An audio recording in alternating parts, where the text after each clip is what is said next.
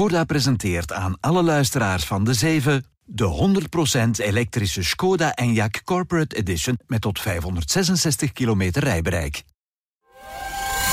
Welkom bij de 7 van de tijd. Elke dag om 7 uur. Onze blik op de zaken in 7 punten. Dit is Bert Rijmen. Goedemorgen. Het aantal elektrische auto's in België is afgelopen jaar verdubbeld. De elektrificatie gaat zo snel dat ze hier en daar wat problemen oplevert. Microsoft is Apple even voorbijgestoken als waardevolste bedrijf ter wereld. Wat zat er achter die inhaalbeweging en wordt die binnenkort misschien definitief?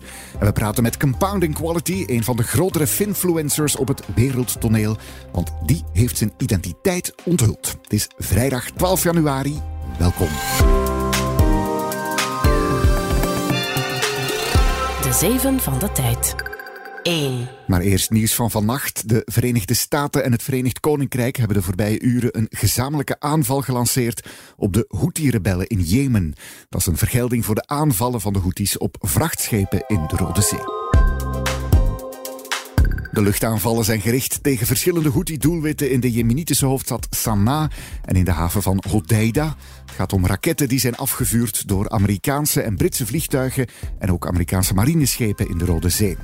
Britse en Amerikaanse media zeggen dat er onder meer trainingsfaciliteiten, droneopslagplaatsen en ook munitiedepots werden bestookt. Het is de eerste gezamenlijke Brits-Amerikaanse aanval tegen de Houthis sinds de aanvallen op de Rode Zee. De Amerikaanse president Biden noemde de beschietingen een succes en noodzakelijk om de internationale scheepvaart te vrijwaren. De Jemenitische rebellen zeggen dat ze de vrachtschepen in de Rode Zee aanvallen als teken van steun voor Hamas en de Palestijnen. De Amerikanen kijken ook naar Iran dat de Houthis zou ondersteunen. De aanvallen van vannacht komen nadat Iraanse troepen gisteren een olietanker hebben aangevallen en in beslag genomen voor de kust van Oman. 2. Even toeteren nu.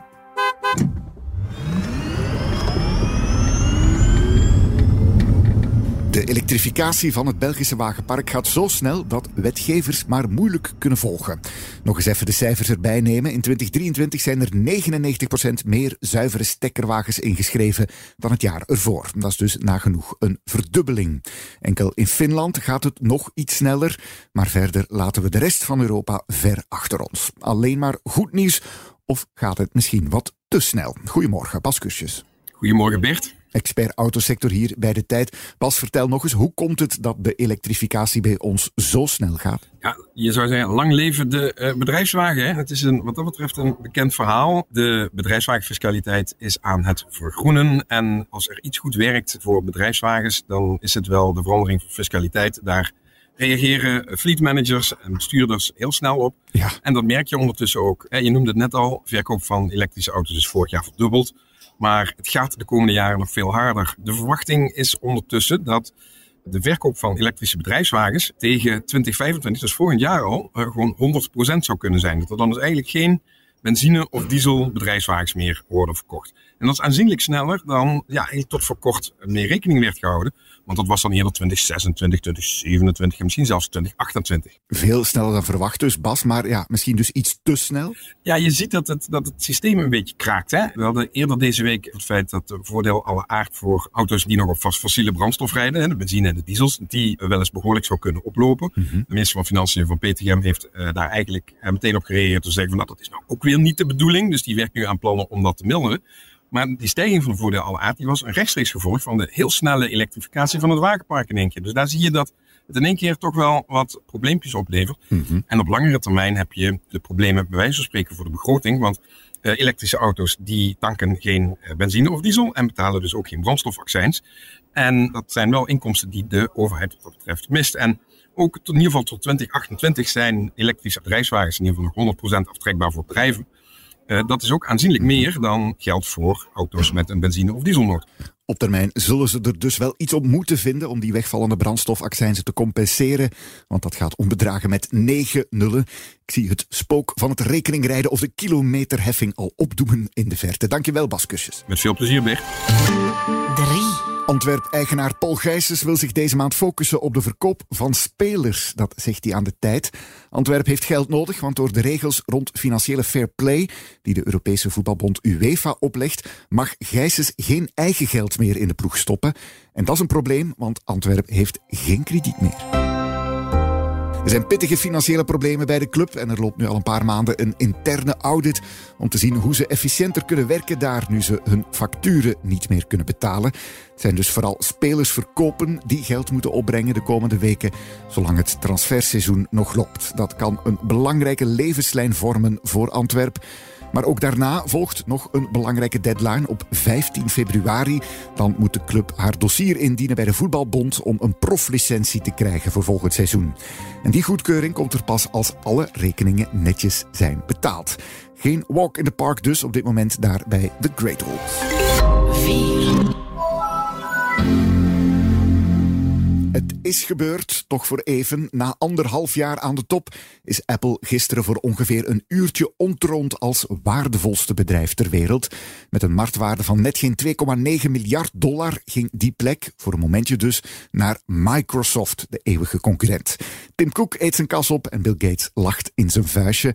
Maar hoe is het zover gekomen? Krijgen we nu een soort constant haasje over? En hoe belangrijk is dat eigenlijk allemaal, zo de grootste zijn? Goedemorgen, Evert Nerings. Goedemorgen Bert. Collega van de beleggerredactie hier bij de Tijd. Paukenslag in Silicon Valley schrijf je in je stuk in de krant vandaag. Uh, Vertel eens, hoe heeft Microsoft Apple kunnen inhalen als waardevolste bedrijf ter wereld? Wel, uh, we hebben het voorbije jaar de opkomst van uh, artificiële intelligentie gezien, hè, de beurshype van 2023. Mm -hmm. En um, daar zien we toch dat Microsoft iets korter op de bal heeft gespeeld. Hè. Ze zijn een van de belangrijke aandeelhouders van OpenAI, dat is het bedrijf achter de chatbot uh, ChatGPT. Mm -hmm. Ook in zijn eigen softwarepakket, hè, in Microsoft Office, probeert Microsoft die artificiële intelligentie te integreren via zijn Copilot-systeem. En het communiceert er ook heel goed naar beleggers daarover. Mm -hmm, dat is een kracht van Microsoft geweest het voorbije jaar. Is Apple dan zo verzwakt, uh, Evert? Die hebben toch nog altijd het product der producten, de iPhone? Wel, uh, dat blijft ook een enorme geldmachine, maar je ziet toch ook dat die verkoop iets stroever begint te lopen dan weleer. Fans lopen niet meer zo storm voor elk nieuw iPhone-model, zoals vroeger het geval was. Mm -hmm. En bovendien zie je ook dat in China, een belangrijke afzetmarkt voor Apple, ja, dat de verkoop daar ook toch iets minder loopt, ook door de moeilijkere economische situatie daar. En je ziet dat al die elementen samen maakt beleggers toch ook iets sceptischer tegenover Apple. Sinds het jaarbegin verloor Apple al 5, 6 procent op de beurs, waardoor Microsoft Apple heeft kunnen bijhalen als het meest waardevolle bedrijf uh, ter wereld. Oké, okay, hoe gaat het nu verder, Evert? Springt Microsoft dan binnenkort gewoon weer over Apple en vice versa? Uh, nu krijgen we inderdaad ja, even een nek-aan-nek race met Microsoft en Apple die ongeveer evenveel waard zijn doorheen de jaren verschilt dat wel eens, het, het meest waardevolle bedrijf ter wereld. Ik denk dat we de voorbije twintig jaar een zestal bedrijven als uh, meest waardevolle bedrijf ter wereld hebben gezien. In het verleden zijn dat ook oliebedrijven geweest bijvoorbeeld. Dus dat is iets wat verandert doorheen de tijden.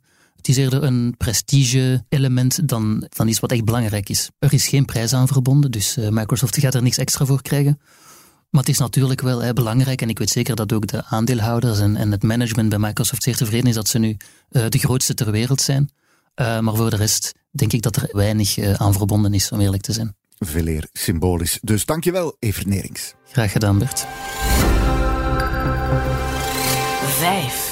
Onthulling van de week op social media. De anonieme finfluencer achter mega-account Compounding Quality heeft zich prijsgegeven. Blijkt te gaan om Pieter Slegers, tot voor kort analist bij vermogensbeheerder Econopolis. Hij liet zijn masker bewust vallen tijdens een lezing voor de Vlaamse Federatie van Beleggers opgelucht gevoel in de zin van dat ik blij ben om ja, mezelf kenbaar te mogen maken. Ik schrijf dus zelf ook over de beurs. En om een beetje skin in the game te hebben, zoals men dat dan zegt, dan denk ik dat het superbelangrijk is dat mensen ook weten wie ik ben. En ook wanneer je bijvoorbeeld eens een mindere beslissing neemt, dat mensen naar jou toe kunnen komen en dat je daar de verantwoordelijkheid ook voor draagt. Slegers opende het account nog maar anderhalf jaar geleden. Midden vorig jaar zegde hij zijn job op. Hij hield de redenen toen bewust wat vaag om helemaal op compounding quality te focussen. Ik probeer om relatief complexe beleggingsbegrippen en termen eenvoudig uit te leggen, zodat Jan met de pet deze kan begrijpen. Bij Compounding Quality ligt er een zeer sterke focus op kwaliteitsbedrijven. En die strategie kan heel eenvoudig samengevat worden. Koop wondermooie bedrijven, zoals Buffett dat mooi zegt. Twee, geleid door uitstekende managers. En dan drie, je probeert die wondermooie bedrijven, geleid door uitstekende managers, te kopen tegen een faire waardering. Dus in die zin denk ik dat de naam Compounding Quality de lading mooi dekt. Profiteren van de kracht van samengestelde interest door te beleggen in kwaliteitsbedrijven. Op X alleen al heeft het account intussen meer dan 300.000 volgers. Daarbij grote namen als Wall Street-legende Bill Ackman en Jeff Bezos, de oprichter van Amazon. Hij is zo een van de prominentste finfluencers wereldwijd. Die cijfers doen Slegers zelf ook nog een beetje duizelen. Ik vind het zelf ook heel onrealistisch en ik denk dat ik dat zelf ook niet goed begrijp. Bijvoorbeeld, zoals bij Jeff Bezos, wel, ik dacht eerst dat het een grap was, een, een, een vals account. Dat bleek dan niet het geval te zijn en, en nadat hij mij was gaan volgen, heb ik eigenlijk elke dag gekeken van wanneer gaat hij mij nu terug ontvolgen, want, want dit kan niet. Maar tot op vandaag is dat nog altijd niet gebeurd, dus dat is, uh, dat is superleuk natuurlijk. Naast een X en een LinkedIn-account en een nieuwsbrief onderhoudt Slegers voor Compounding Quality ook een website. Daar krijgen betalende abonnees dan onder meer volledige inzage in zijn portefeuille. Wat brengt de toekomst? Ofwel verder doen zoals hij bezig is, ofwel een andere optie die open ligt is om er meer een soort van bedrijf van te maken. Eens te gaan kijken of dat ooit een, fonds mogelijk is. Ik focus bijvoorbeeld wel op kwaliteitsaandelen. Eens gaan kijken of er nog partners kunnen komen die ook waarde beleggen, groei beleggen, dividend beleggen enzovoort kunnen gaan focussen. Dus het zal waarschijnlijk een van die twee opties worden. En uh, die beslissing zal dit jaar moeten vallen. Zes. Grote dag voor premier Alexander de Croo vandaag in China. Hij zal er in Peking een ontmoeting hebben met de Chinese president Xi Jinping. We hebben hier bij de tijd onze chef politiek en economie, Jasper Doren, meegestuurd. Wat kunnen we verwachten van Alexander in China? Ik sta in de verboden stad in Peking, dus het oude keizerlijke paleis. Heel veel hoor je niet op de achtergrond, want de Chinezen hebben het hele paleis afgesloten omdat premier Alexander de Croo hier op bezoek is. De Croo is de eerste Belgische premier sinds 2016 die China bezoekt. Uh, toen was Charles Michel hier in een wereld die er toen nog helemaal anders uitzag. Van coronavirus hadden we nog nooit gehoord. China was vooral de fabriek van de wereld, werd nog niet als een grote uitdager gezien. En van strategische autonomie of de-risking, waar we als Europa niet op inzetten, hadden we nog niet gehoord. Bezoek is vooral economisch van aard. België voert relatief veel in vanuit China, maar de export ja, is veel lager, waardoor het handelstekort groot is. Dat moet anders, vindt de Kroo. Hij is hier met een reeks grote bedrijven om hen ja, een zetje te kunnen geven. Het gaat bijvoorbeeld over de Chimere Solvay, de bierbrouwer AB InBev, maar ook vertegenwoordigers van de vleesindustrie. België hoopt weer meer varkensvlees naar China te kunnen uitvoeren. Het hoogtepunt van het bezoek wordt de thee die de Kroo aangeboden krijgt bij Xi Jinping. Met de Chinese president zal hij het hebben over de wereldpolitiek, de Chinese-Belgische handel en ook de mensenrechten in China en de Chinese spionage in België zullen aan bod komen. Varkens en spionnen dus in de verboden stad en op de thee bij Xi. Just another Friday voor Alexander de Croo vandaag. 7. Hi, I'm Eve. Welcome to the 1X Kitchen. In this video, to celebrate the winter holidays I'll share with you how to make my favorite gingerbread cookies. Let's get started. Een video is dit waarin de mensachtige robot Eve koekjes bakt. Vrij creepy, maar ja, dat proef je natuurlijk niet in de koekjes. En ja, ze ziet er een beetje uit als het robotje Eve uit de film Wally, maar toch lang niet zo schattig. De makers van het Noorse robotica-bedrijf One X Technologies hebben intussen al een nieuw model klaar, Neo. En daar halen ze nu zomaar even 100 miljoen dollar kapitaal mee op. Geld moet dienen om NIO op de markt te brengen. Het komt voor het grootste deel van het Zweedse investeringsfonds EQT. In ons land onder meer bekend als aandeelhouder van Fiberklaar. Neo is dus een robot-butler. Hij zou ook wat kunnen koken en daarnaast schoonmaken, opruimen en zelfs machines bedienen. One X wil er op termijn zo honderden per maand produceren. Ziet er vrij menselijk uit, de robot. 1,65 meter, weegt 30 kilo en een topsnelheid van 12 km per uur kan hij lopen. Daar kan ik dus nog net hard van wegrennen. Daarmee zit de laatste, de zeven van deze week er weer op. Maandag zijn we er weer om met een gast vooruit te blikken naar de week die dan start. Deze keer doen we dat met investeerder Jurgen Engels van SmartFin Capital. Hoe kijkt hij bijvoorbeeld naar het World Economic Forum in Davos dat volgende week start? Je hoort het maandag. Maar eerst is er nog een weekend natuurlijk met een dikke zaterdagkrant. En wat daar allemaal in staat, dat weet chef weekend Sophie van Lommel. Dag Sophie. Dag Bert, kan jij de slogan If it's not Boeing, I'm not going? Uh, nee, die, die ken ik niet. Wel, die willen ze bij Boeing ook liever vergeten, want waar het bedrijf vroeger symbool stond voor heel sterke ingenieurscultuur, ligt die reputatie totaal aan tegelen nadat er afgelopen weekend een deur ging flapperen tijdens het opstijgen. En we gaan op zoek naar het verhaal achter uh, dat probleemgeval, namelijk het type uh, MAX 9 van hun werkpaard, de 737, die de meeste mensen wel kennen. We hebben ook een hoop topinterviews, onder andere met Bart de Wever, de NVA-voorzitter, die voor een zeer spannend verkiezingsjaar staat. Maar ook met Federica Mogherini. Zij was de eerste buitenlandchef van de EU.